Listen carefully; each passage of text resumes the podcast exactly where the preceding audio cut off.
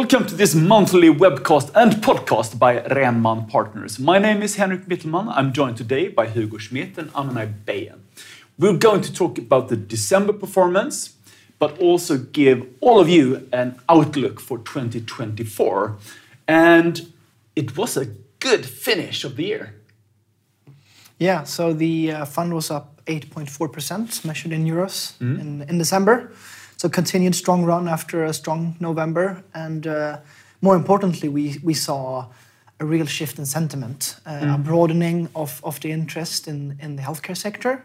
And not so much only short covering, but also actual, uh, uh, actual long, uh, long positioning into, into the sector. Uh, so, so uh, and, and some great news as well. Absolutely. I mean, the uh, not also driven by very strong data uh, that was not properly rewarded, I would say, um, during those months when the sector fell out of favor, but certainly became as sort of the market sobered. We, we saw increased in valuations due to that, uh, and also great data readouts in December. So not just macro data, because they were good.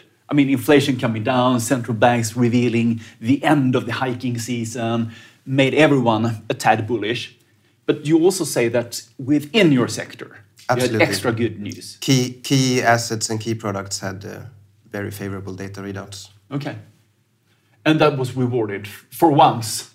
Yes, uh, I mean, we, we can already now mention the um, the best performers in December. Um, Cytokinetics and Vertex were both driven by by uh, great data. Uh, Vertex with their chronic pain study, highly anticipated asset, and Cytokinetics, the top performer, uh, have a drug against a form of heart failure that um, where the stock increased both due to the data but also due to takeout rumors uh, driven Okay. by those positive data. Yeah. So, all in all, a, a very good month. And the worst performing stock. Uh, so the worst performing stock in December stock in December was Lantheus, um, which had a negative data readout. So yeah, Okay, go- yeah. goes both ways. Yeah. Um, and their drug, uh, a radioligand drug for uh, prostate cancer. Back to 2023 in general. Yes. What was the worst performing stock? the worst performing stock, Harmony Biosciences, um, have a drug against narcolepsy, um, form of sleeping disorder. Uh, they have uh, been punished both by potential um, competitors, but also had some setbacks, data setbacks, negative Okay. data readouts in their, one of their studies. So they have been our worst performer. And the best performer?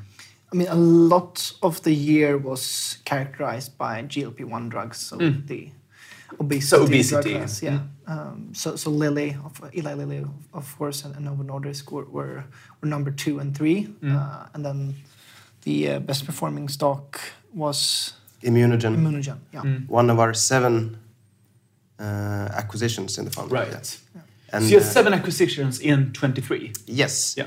And for our avid listeners, Mm-hmm. uh, they probably heard of the six of them: uh, Seagen, Iveric, Oak Street Health, Mirati, Olink, Immunogen, as we mentioned, and we had a seventh acquisition. And how many can in, you uh, promise December. in 2024?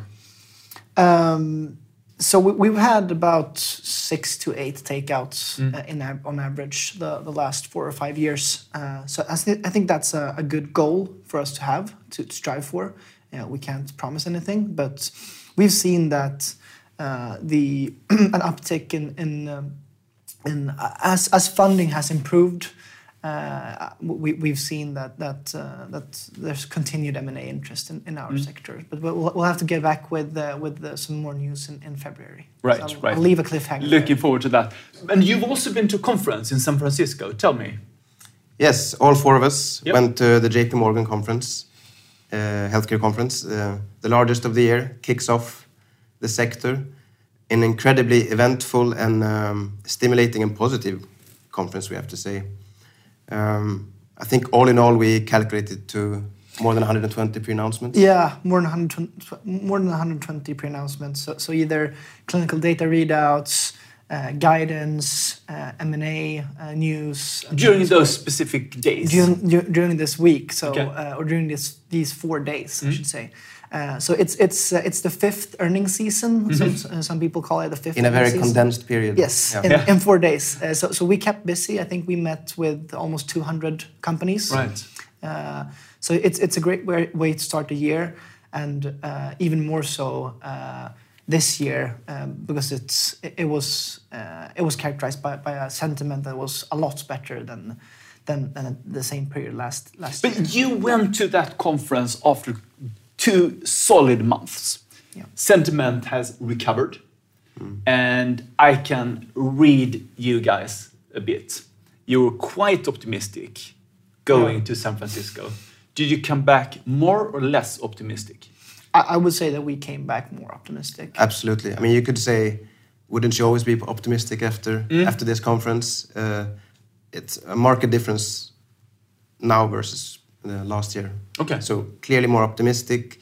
Generalist attention towards the sector has increased as well. And they are not just Outside interested just, uh, in Eli Novo Lilly and Novo. Exactly.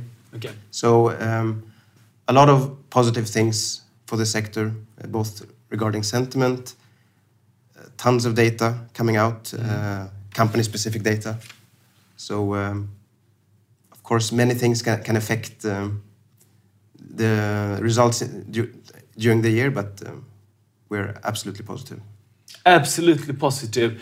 M&A activity, sentiment has changed to the better.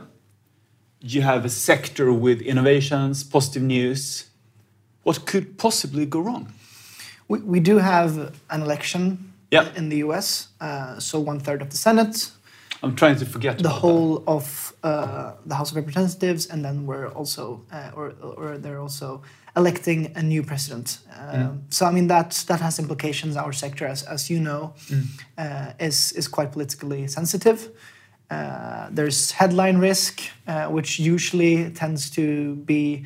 I mean, the bark tends to be uh, worse than the bite. Yeah. uh, and. Because it usually doesn't translate into anything real.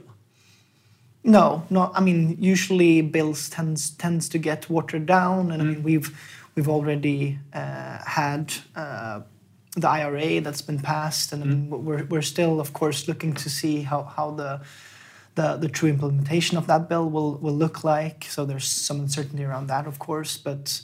Uh, generally, uh, there, there, tends, there, tends to, there tends to happen little in, in Washington if we have a split government, which is the most likely Yeah. outcome. Yeah. Uh, so that's why we're not only watching the, the, the White House election, we're also watching closely, following the Senate and, and the House of Representatives. So on the one hand, you have the sentiment, generalists interested in your sector, um, and you have quite an innovative, innovative companies with good news on the one hand, and then you have the political risks on the other. You have some geopolitical risks as well. Of course, yeah. Uh, but, but that's the same for every sector. Yeah, so yeah. I mean, we're not unique in, in that sense. So relatively optimistic, cautiously optimistic, or incredibly optimistic? Oh, I'll, I'll let uh, Ames ask, answer that question. Oh, we're optimistic. That's good. Final words from Ame. Thank you so much, Ame, Hugo. Thank you all for watching and listening. We will be back next month.